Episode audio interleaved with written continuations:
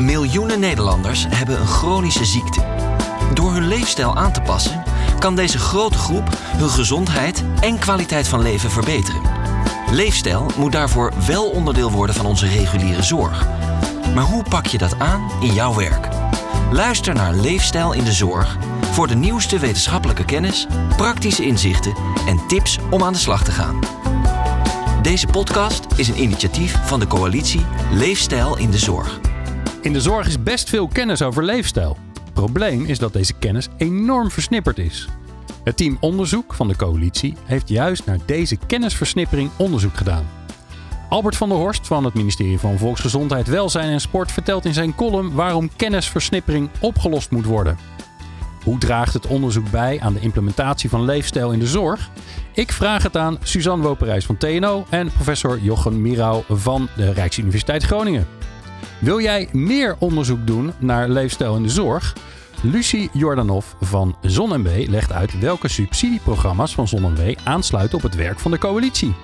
En wat citizen science is, horen we van Gaston Remmers van de stichting Mijn Data, Onze Gezondheid. Fijn dat je luistert naar Leefstijl in de Zorg. Leefstijl in de Zorg met Glenn van den Burg.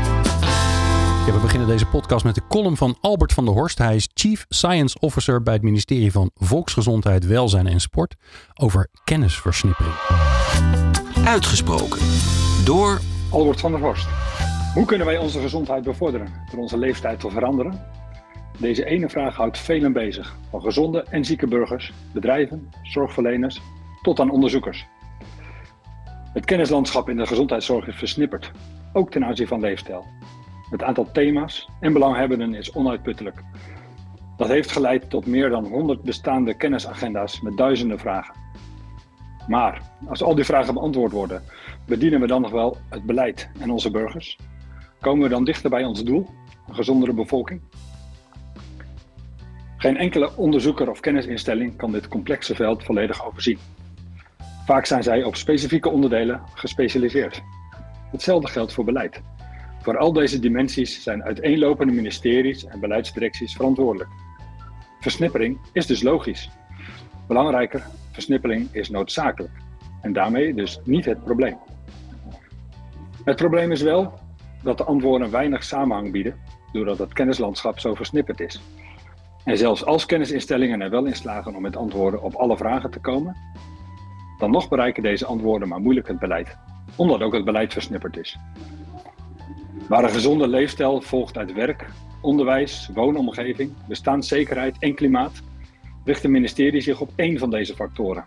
En binnen ministeries houden de directie zich weer bezig met subonderdelen. Dus ook de ontvanger, het beleid, is versnipperd.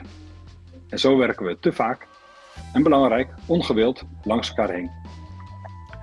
Om van die versnippering te komen tot goed beleid moeten er drie dingen gebeuren. Eerste, beleid moet zich baseren op multidisciplinaire kennis.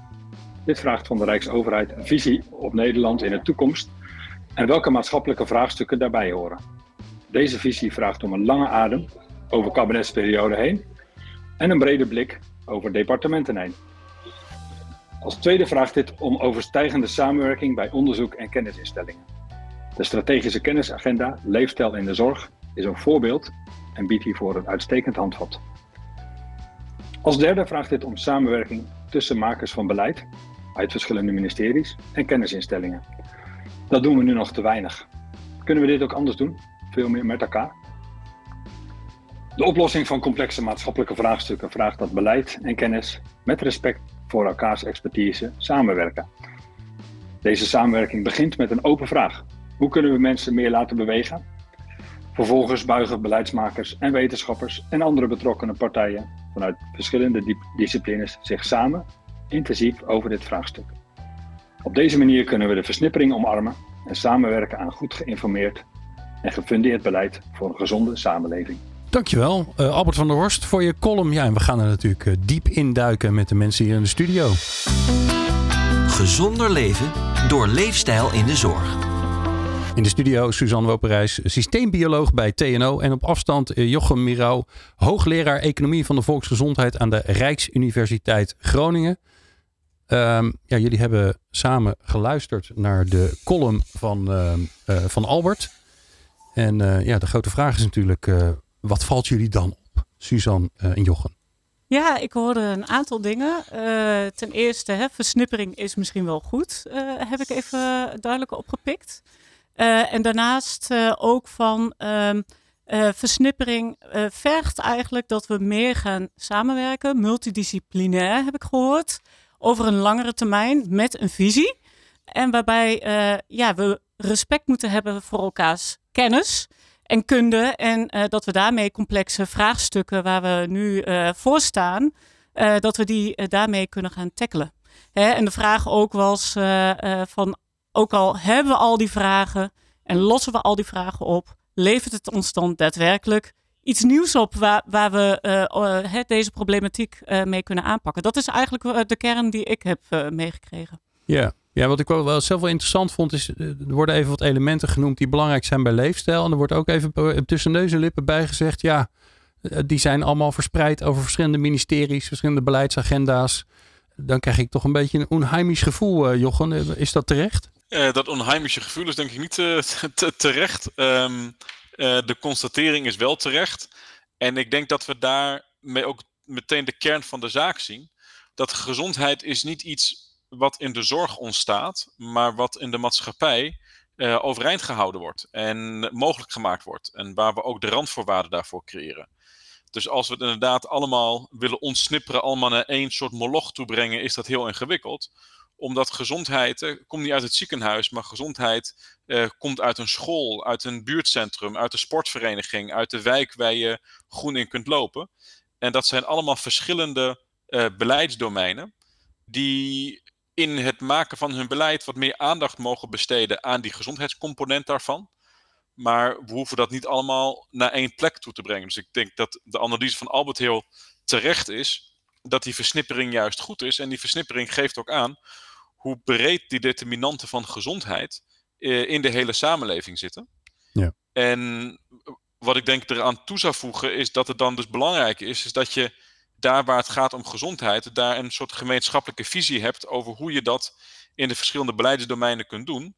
Zodat als men daar daarmee aan de slag is, dat je dat in dat natuurlijke netwerk vanzelf dezelfde kant op gaat. Omdat eigenlijk in ieder de belofte zou kunnen doen. In het moment dat ik beleid voer, toets ik wat de impact daarvan is op de gezondheid van de omwonenden, van de, uh, van de mensen die ermee betrokken zijn. Waardoor je dus zonder dat iedereen in de ontsnipperaar gaat, in die versnippering, omdat je vanuit uh, gemeenschappelijke principes werkt, wel elke keer aan die gezondheid werkt. En al die verschillende plekken waar gezondheid mogelijk gemaakt wordt. Ja, je zou eigenlijk kunnen zeggen, het is geen departement meer of een beleidsopgave. Het is een soort doel waar we met z'n allen naar streven. En, um, en dat zou je eigenlijk dus overal in mee moeten nemen. Ja, en daarbij heeft natuurlijk, als je dan weer heel technisch bekijkt, is er in de wet publieke gezondheid, wordt er ook in voorzien dat uh, vanuit het ministerie van Volksgezondheid ook met andere departementen het overleg aangegaan wordt over wat de impact is op gezondheid. Nou, ik denk dat, dat, daarin, dat daar een mooie aanleiding is om inderdaad vanuit die taak de andere ministeries te ondersteunen. Als, als je bij woningbouw het over gezondheid wil hebben, nou, dan kun je met de collega's van VWS het erover gaan hebben. En wat betekent dat dan, hoe we dat zouden kunnen gaan doen. Maar voor de rest is de uitvoering gewoon bij, uh, bij wonen. Ja. Eh, Suzanne, de strategische kennisagenda die werd ook wel even genoemd en geroemd door Albert. Ja, wat is eigenlijk de kern van die strategische kennisagenda? Ja, de kern van die strategische kennisagenda is wel dat we hebben gekeken hè, van wat is er allemaal al beschikbaar. Uh, dat werd ook al uh, genoemd uh, natuurlijk. En dat we vanuit daar met diverse experts, dus we hebben 80 experts betrokken over den landen. Hebben gekeken van wat moet er nou gebeuren, zeg maar. Wat zijn de belangrijkste vragen die er openstaan om leefstijl zo snel mogelijk en zo goed mogelijk eigenlijk duurzaam, duurzaam mogelijk uh, bestendig te maken in onze maatschappij. Om eigenlijk die tsunami en zorg dat op ons afkomt hè, en ook het gebrek aan zorgpersoneel, om dat toch te kunnen omzeilen. Om dat complexe vraagstuk met elkaar, met, en, met een ieder in deze maatschappij, hè, hoe breed dat ook is, om dat uh, voor elkaar te gaan krijgen. En hoe bereiken we misschien wel de meest kwetsbare van, de, van onze maatschappij? Hè? Want we zien gewoon dat er grote uh, verschillen zijn in levensverwachting, levensduurverwachting, maar ook zeg maar in de duur van chronische ziekte, met name in de meest kwetsbare, die juist weer heel moeilijk te bereiken zijn. dus daar hebben we ons op over gebogen. Van wat, waar wordt al aan gewerkt? En waar moeten we ook eigenlijk op inzetten om dat zo goed mogelijk, zo snel mogelijk met elkaar ja, aan te gaan pakken. Ja. Nou, als ik altijd, als ik een boek oppak, dan kijk ik altijd even, dan scan ik door de inhoudsopgave heen. Dan heb ik altijd een gevoel van waar gaat het over? Wat vind ik daar? Ongeveer? Uh, welke onderwerpen, welke, welke dingen vallen er, zouden mij opvallen als ik door die, door die inhoudsopgave heen scan? Het is grappig dat je inhoudsopgave noemt, want ik, ik heb visualiseer meteen het boek wat we hebben geproduceerd. En daar zit volgens mij geen inhoudsopgave in. Nou, maar goed, nou wij hebben uh, vier onderwerpen eigenlijk uh, uh, bij de nek gepakt die belangrijk zijn wat ons betreft. Dat gaat over implementatie uiteraard. Dat gaat over gedragsverandering. Want als we het over leefstijl hebben, dan hebben we het over duurzame, bestendige gedragsverandering. Het gaat over biologische mechanismen. En het gaat over, nou ja, daar kan Jochen alles over vertellen, over de data-infrastructuur die daarvoor uh, voor nodig is. En ja, per domein hebben we eigenlijk met uh, diverse experts gekeken. Wat zijn de belangrijkste, ja, waar, waar staan we nu eigenlijk hè, qua kennis? En wat, moet, wat moeten we echt gaan aanpakken zeg maar, om dat uh, op te lossen? Ja, was er een onderwerp, uh, uh, Jochen, ik, ik hou jij er ook even bij. Was er een onderwerp waarvan jullie zeiden van nou dat is eigenlijk wel prima, daar hoeven we niet zoveel aan te doen? Uh, dat is een mooie vraag. Ik denk het onderwerp waar je natuurlijk, waar je zou zeggen prima, daar hoeven we niet zoveel aan te doen. dat is de constatering die we met elkaar hebben dat we rond leefstijl en de zorg een grote uitdaging hebben. Ja. Dus ik denk het punt wat je natuurlijk altijd als handige vertragingstechniek kunt inzetten, is de vraag natuurlijk, is leefstijl in de zorg überhaupt een probleem? Moeten we daar niet eerst onderzoek naar doen? Nou, dat is denk ik wel beslecht. En daar komen dan inderdaad op de domeinen die aangegeven wordt, komen daar een aantal vraagstukken uit. En ik denk dat daar inderdaad een deel is bekender dan een ander deel. Maar ik denk, waar die kennisagenda natuurlijk aan bijdraagt, wat Albert ook al even aanhaalde. Ja, we kunnen op een gegeven moment al die vragen beantwoorden. Maar dat betekent nog niet dat ze in de praktijk zijn geïmplementeerd. En, en dat is natuurlijk de, de, de, volgende stap om toch ook eens te filteren. Hè, welke dingen zijn echt helemaal niet bekend? Welke dingen zijn misschien bekend, maar zijn ze nog niet bekend in de Nederlandse context? Welke dingen zijn in de Nederlandse context bekend, maar hoe je ze in het systeem eh, moet implementeren is nog niet bekend. En zo heb je altijd wel verschillende gradaties van dingen uh, die ja. bekend zijn. Hoe, hoe, maak je daar vervolgens keuzes in? Want ik kan me niet voorstellen dat er een lijst uitkomt waarvan je zegt van nou, dat gaan we allemaal even een jaar fixen en we hebben daar allemaal genoeg geld voor om dat voor elkaar te krijgen. Dus hoe, hoe maak je daar op een slimme manier? Hè? Het is niet voor niks de strategische kennisagenda. Dat geeft ja. ook aan dat daar, ja, dat daar keuzes in gemaakt worden, zou ik zeggen. Nou, ik denk waar daar de, waar daar de uitdaging is, hè, dus middelen is één ding, maar dat is, uh, die is altijd iets te goedkoop. Uh, wat je wil volgens mij, is dat je de vragen beantwoordt waarmee je zo snel mogelijk bij je doel komt. Dus ik denk, we kunnen natuurlijk heel wetenschappelijk de vragen uitkiezen die het meest fundamenteel zijn. En dan kunnen we dan nog heel lang mee verder gaan.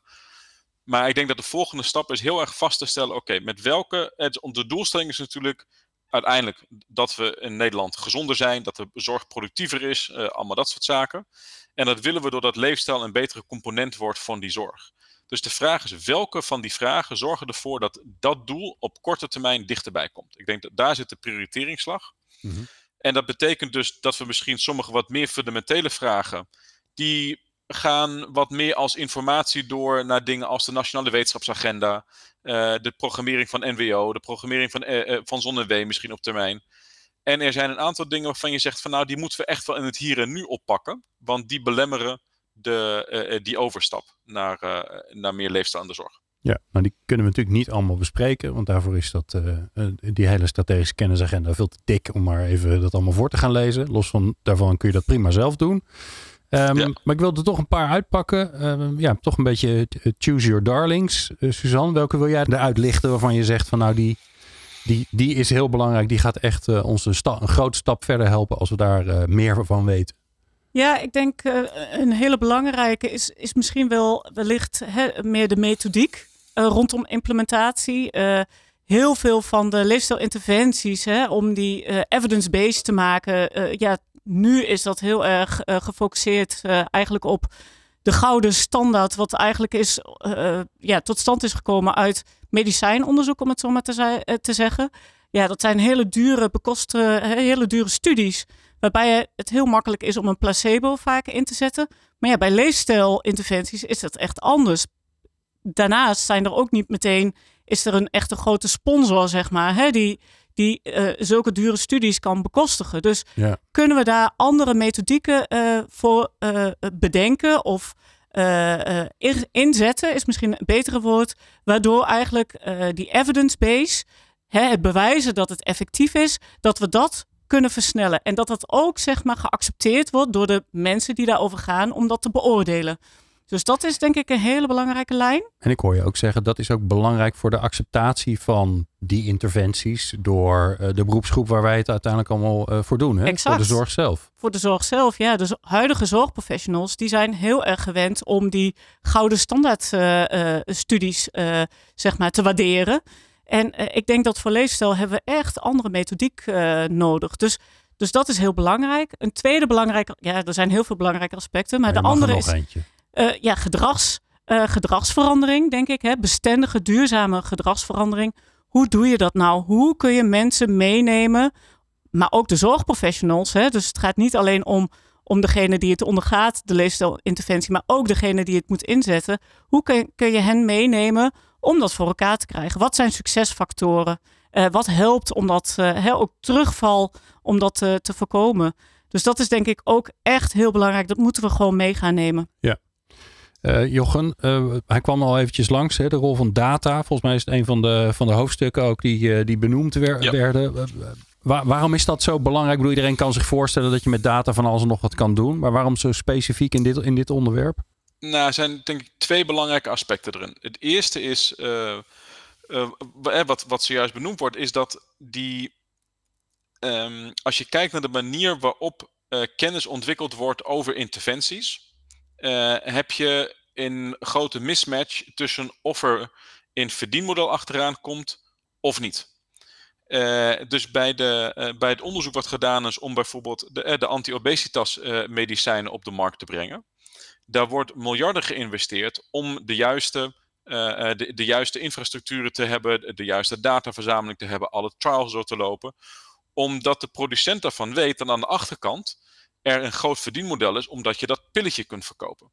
Uh, bij leefstijl heb je dat niet. En vervolgens zeggen we van nou, we gaan leefstijl en medicijnen proberen we aan dezelfde bewijsstandaard te houden.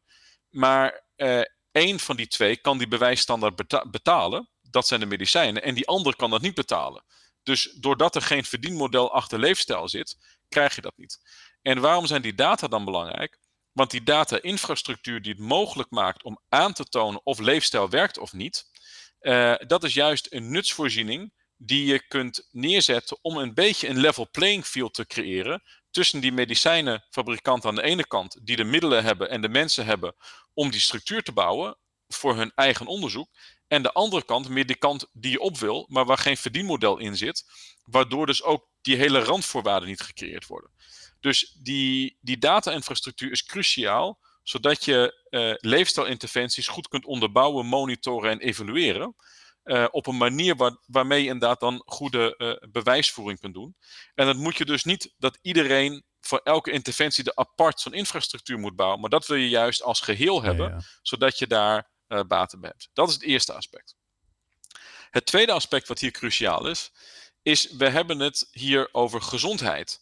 Terwijl de gegevens die we dikwijls verzamelen, die gaan over ziekte. Dus de declaratiegegevens, uh, de bloeddruk die gemeten wordt bij de huisarts, zijn allemaal ziektegegevens.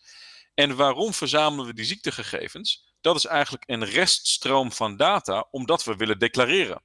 Dus er wordt een MRI gedaan. En waarom wordt er vastgelegd dat die MRI gedaan is? Omdat daarvoor betaald moet worden. En dat noemen we dan gezondheidsdata. Heeft niks met gezondheid te maken. Is afgeleide ziektedata en eigenlijk declaratiedata.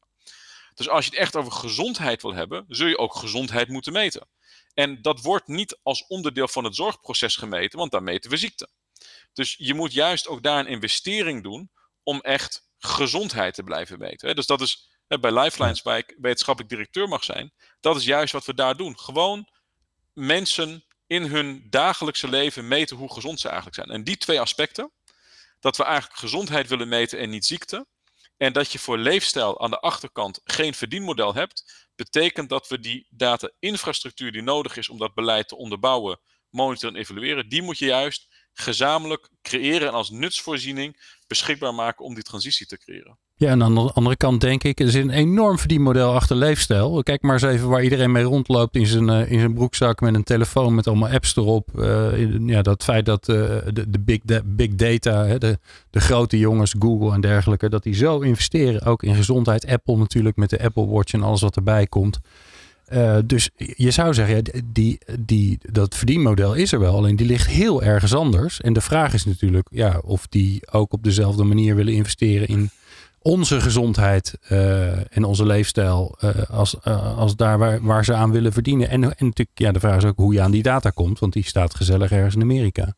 Nou, en, en wat is daar nou eigenlijk het verdienmodel? Hè? Het verdienmodel is niet gezondheid. Het verdienmodel is dat ik op basis van gepersonaliseerde gegevens jouw producten en diensten kan aanbieden en dat jij een grotere kans hebt om die producten te kopen. Maar zij zijn helemaal niet geïnteresseerd in gezondheid. Zij zijn geïnteresseerd in zo specifiek mogelijke gegevens om jou inderdaad producten te kunnen verkopen. Ja. En waar het verdienmodel van leefstijl zit, dat is het maatschappelijke verdienmodel. Dat er minder arbeidsuitval is, dat mensen productiever zijn. Maar dat maakt geen één bedrijf ten gelde, maar dat maken we als maatschappij ten gelde. En daarom is daar juist het belang om dat echt als een infrastructuur te zien die je gezamenlijk creëert. Ja. Uh, Suzanne, uh, laatste vraag aan jou. Um, er luisteren professionals naar deze aflevering en die denken, ja, maar dit is ver van mijn bed, joh. Dat gaat over kennis die ontwikkeld moet worden en zo. Het zal maar wel. Bel me maar als het, als het klaar is. Waarom moet je als huisarts of als uh, chirurg of als uh, de, die, uh, voedingskundige, waarom moet je toch je enigszins verdiepen in die strategische kennisagenda? Ja, ik denk wat, wat de kennisagenda uh, sterk maakt, is dat het uh, door eigenlijk een breed gedragen visie is op waar moet het nu naartoe. Uh, en ja, weet je, dit is een start, zou ik willen zeggen, hè, voor de ontwikkelingen die gaan komen. En het is fijn dat het gedragen is, dat we met elkaar dus gaan, kunnen gaan bouwen eigenlijk aan hoe, krijgen, hoe kunnen we dit nou gaan tackelen? Hoe kunnen we dit nou uh, verder brengen, zeg maar. Hè? Dus we kunnen het uh, voordra voordragen aan de subsidieverstrekkers, zeg maar, zodat zij hun onderzoek daarop in kunnen gaan zetten. Maar binnen de coalitie zelf gaan we daar natuurlijk ook verder mee aan de slag. Hè? Voor ons is dat echt een startpunt om samen met de professionals en de stakeholders in het veld om Weet je wel, hoe krijgen we dit in de richtlijnen? Hoe kunnen we dit nou voor elkaar krijgen uh, dat wij op een andere manier naar evidentie kunnen kijken? Um, hoe kunnen we nou andere uitkomstmaten? Hoe kunnen we zo'n nutsvoorziening waar Jochem het over heeft, hoe kunnen we dat nou uh, met elkaar uh, voor elkaar krijgen om, om dat in te gaan zetten? Dus ik denk, ja, ook voor de professionals heel belangrijk. Oké. Okay. Uh, nou weten we ook dat een belangrijk gedeelte van die professionals niet alleen maar uh, in de zorg werkt, maar zelfs ook nog daar onderzoek doet. Nou, die moeten nu even heel erg gaan opletten. Uit de praktijk. Ja, want bij ons in de studio is uh, Lucy Jordanov. Ze is programmamanager preventie bij ZonMW. welkom Lucy, fijn dat je er bent. Um, ZonMW die, ja, die signaleert niet alleen welke kennis er nodig is over leefstijl, in dit geval, in ons geval en natuurlijk nog veel meer. Uh, maar ze geven ook subsidie aan onderzoekers om deze kennis te ontwikkelen. En de projecten uit de eerste subsidieronde, die beginnen bijna, namelijk begin 2024. Dus als je dit, uh, nou, er is een goede kans dat je dit trouwens pas in 2024 hoort, want uh, zo, zover zitten we er niet vandaan. Die kennisversnippering, daar moeten we het eerst even over hebben, uh, Lucy. Hoe, hoe, zien jullie dat? Is dat nou, want het leuke is wel dat Albert natuurlijk begon met te zeggen van nou, eigenlijk is dat helemaal niet erg, want dat betekent dat het al aardig verspreid is. Hoe zie je dat? Ja, nou ja, het is um, goed om te weten dat wij vanuit ZonNW dat ook inderdaad signaleren en daar ook echt wel proberen mee te doen. Uh, ja, onder andere dus door het onderzoek te financieren, maar dus niet alleen uh, wat meer fundamenteel onderzoek, maar dus ook wat meer impactgericht onderzoek. Ja. Um, en ja, wij zien het ook en daarom zijn we ook de de samenwerking aangegaan met de coalitie. Want ons uh, subsidieprogramma staat er wel echt los van. Wij als ONW moeten onafhankelijk blijven. Uh, maar we werken wel heel erg met de coalitie samen. We vragen hen om input van wat hebben jullie nou nodig? Wat heeft het veld nou nodig? Wat, wat kunnen wij uh, daarmee? Wat willen jullie uiteindelijk voor resultaten zien? Um, En ja, dat onderzoek zetten wij dan uit. Ehm, ja, we vragen onderzoekers dan om met ideeën te komen. Uh, de eerste ronde die dit jaar uh, is uitgezet gaat over effectiviteit en werkingsmechanismen. Wat we trouwens samen hebben gedaan met uh, de samenwerkende gezondheidsfondsen en Held Holland. Um, en ja, dan wordt er dus gekeken van hoe kunnen leefstijlinterventies nou effectief worden gemaakt voor de zorg. En met de tweede ronde willen we dan kijken volgend jaar van hoe kunnen we dat nou gaan implementeren? Wat hebben ze de onderzoekers, de mensen in de praktijk, uh, binnen richtlijnen, binnen het onderwijs, wat heb je nou nodig om het goed bij de patiënt te krijgen, om goed in de zorgkamer te krijgen? Ja, ja, dus juist die implementatie, dat, dat uh, zorgen dat onze luisteraars, de professionals, dat die ermee aan de slag kunnen, dat zit in die, die twe dat tweede programma wat jullie ja, uit gaan zetten. Ja, zeker. Ja. Ja. En uh, ik kan me ook voorstellen dat er best wel veel mensen luisteren die denken, nou, ik heb wel een goed idee. Uh, ik ben wel benieuwd hoe dat dan in zijn werk gaat. Dus neem ons eens mee. Jullie staan weer voor zo'n nieuwe uitvraag. Waar begint dat? Um, nou, bij de tweede, dat is grappig dat je dat vraagt. Bij de tweede is het um, eigenlijk ook een beetje gebaseerd op die strategische kennisagenda. wij hebben heel veel contact gehad, ook met team onderzoek. Um, meegeluisterd van wat hebben jullie nou nodig? Wat zijn de vragen? Wat zijn de lacunes? Um, en daar hebben we nu de tweede oproep op gebaseerd, die echt is van ja, wat de bestaande kennis implementeren in de praktijk. Hoe doen we dat nou? En welke mechanismen en strategieën kunnen het beste gebruikt worden om die kennis uiteindelijk echt in de praktijk te krijgen? Ja. Um, bij de eerste ronde over die effectiviteit was dat iets anders, omdat de coalitie toen net van start ging. Dus toen hebben we een brede veldraadpleging gedaan en we hebben expertsessies opgezet. Uh, we hebben met professionals gesproken. Ja, welke vragen hebben jullie nou nog?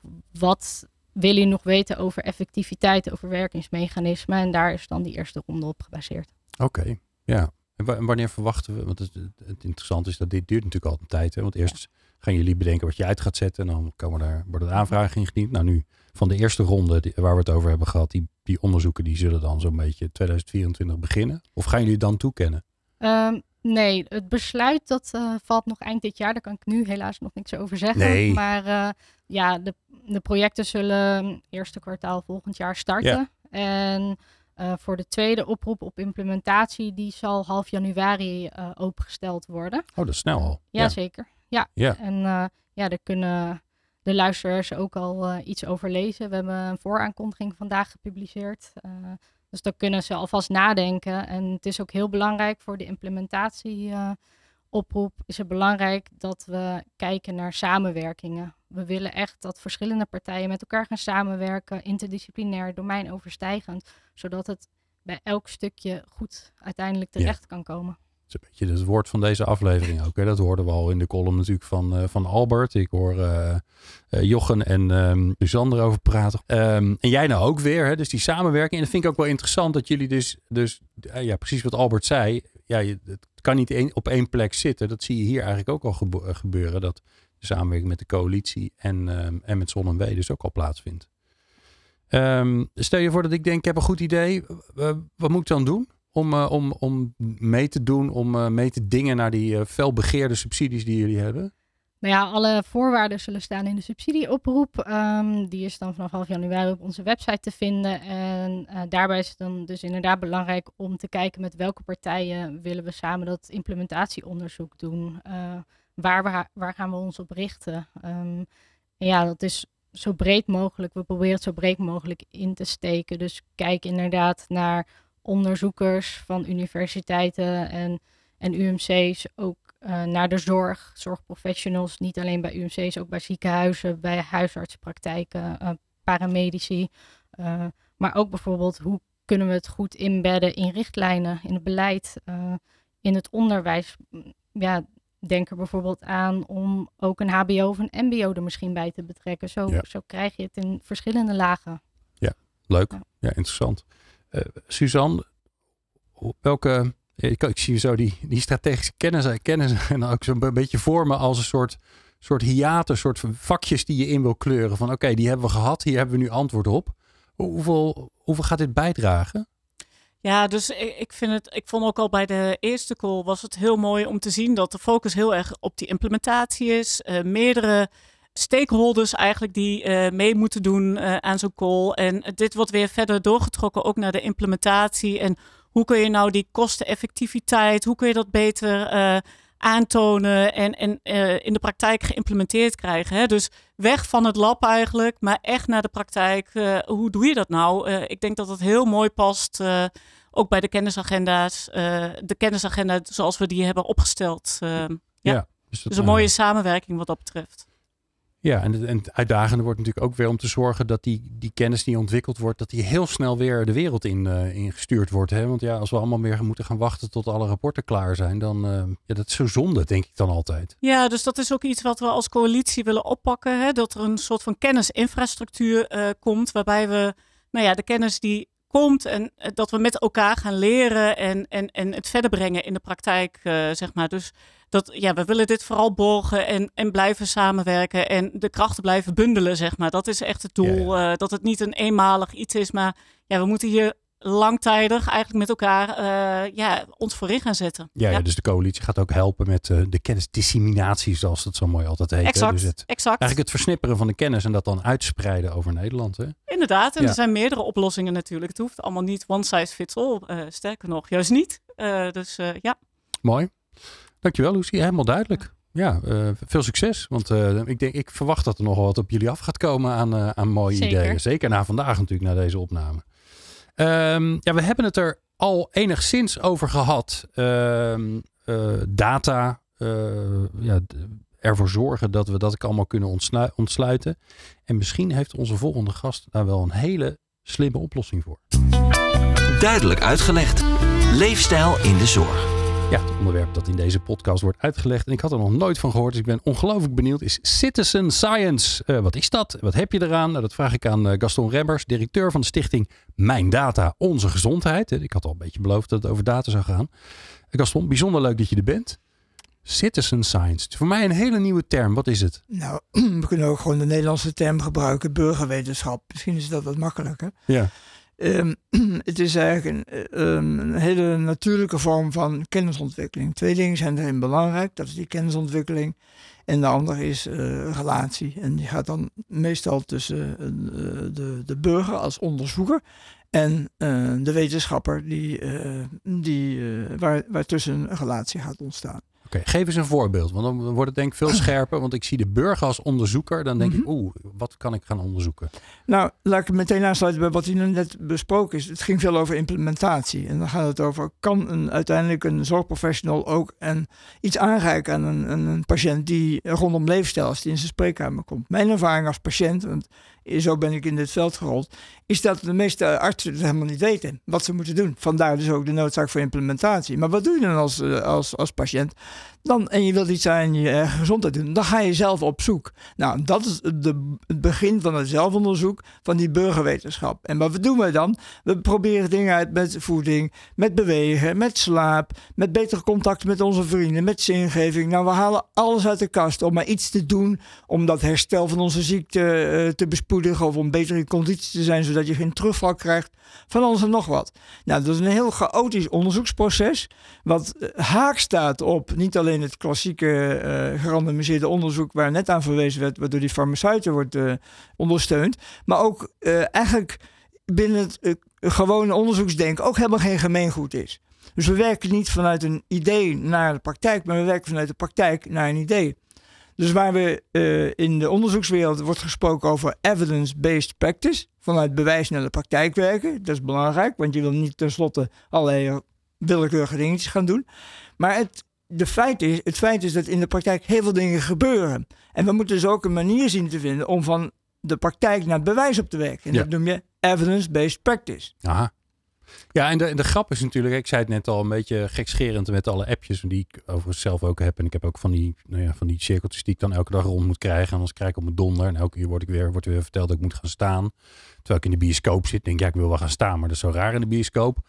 Um, al die data en al die ja, kennis die er misschien ook wel zelf achter zit, die ik over mezelf heb, die, die zou je dus maal duizenden, honderdduizenden, miljoenen kunnen gaan doen. En daar moet je dus dan vervolgens op een of andere modellering uittrekken. Ja. Hoe ga je dit organiseren? Nou, dat is een hele goede vraag. Dus ik ben ook heel blij dat het in die strategische kennisagenda staat dat we een echt een aparte infrastructuur moeten gaan creëren, of een aanvullende moet ik zeggen.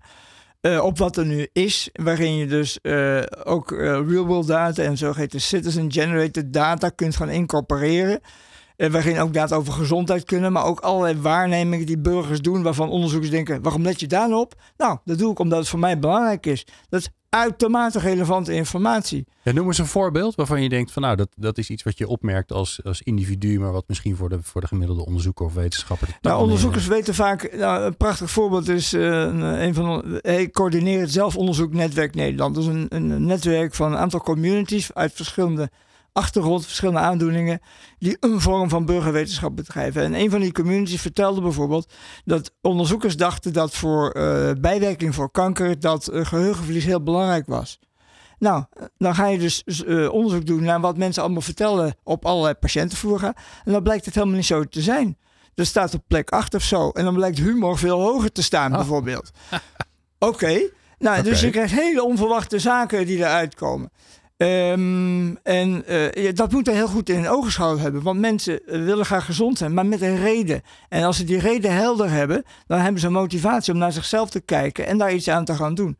Nou, dat veronderstelt heel erg dat je vanuit die mens gaat spreken en dat zelfwaarnemende vermogen, die, die, die natuurlijke interesse die we allemaal hebben, um, om uh, dingen uit te vinden, om dingen te ontdekken, om daarmee aan de slag te gaan. Ja. Nou, dat vermogen dat moeten we aanwakkeren.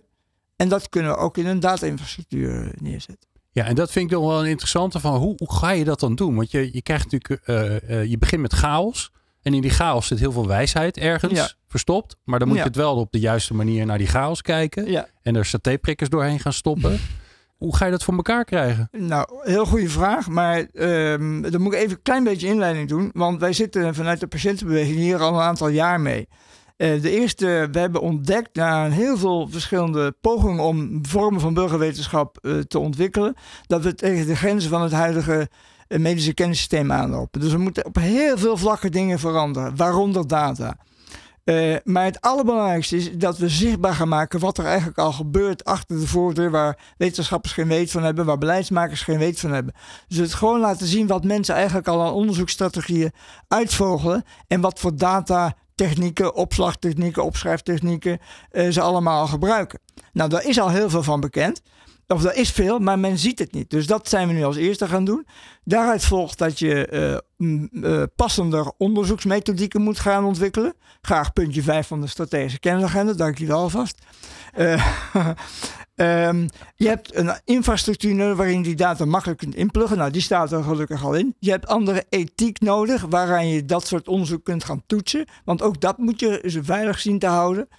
En ze gaan zo maar door. Dus we zijn nog wel even bezig. Maar gewoon eerst al eens duidelijk maken dat er al heel veel gebeurt eh, door mensen zelf. Ja. En dat dat vermogen alleen al, dat dat een therapeutische kwaliteit in zichzelf heeft. Ja, ik, ben wel, ik wil even naar Jochem, want eh, ik ben wel heel erg benieuwd eh, hoe jij hier naar kijkt. Want het klinkt als een soort ehm, eh, goudmijn, mogelijke goudmijn, om het maar even een beetje, mijn eigen enthousiasme een beetje te, te drukken.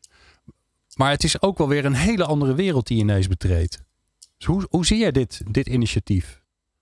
Nou, wat, ik denk belangrijk vind als we het hebben over, eh, over data die gegenereerd wordt door burgers, hè, die, die eh, citizen-generated data noemt die, eh, werd het volgens mij net even genoemd. Ehm, eh, dat is natuurlijk een hele andere vorm van, van gegevens dan in die hele gestructureerde verzamelingen zit. En dat was denk ik tot niet al te lang geleden was dat allemaal heel ingewikkeld en moeilijk en wat dan ook. Eh, maar je ziet dat juist met eh, innovaties op kunstmatige intelligentie we steeds beter in staat zijn om dat soort gegevens ook gewoon op een verstandige manier te gebruiken.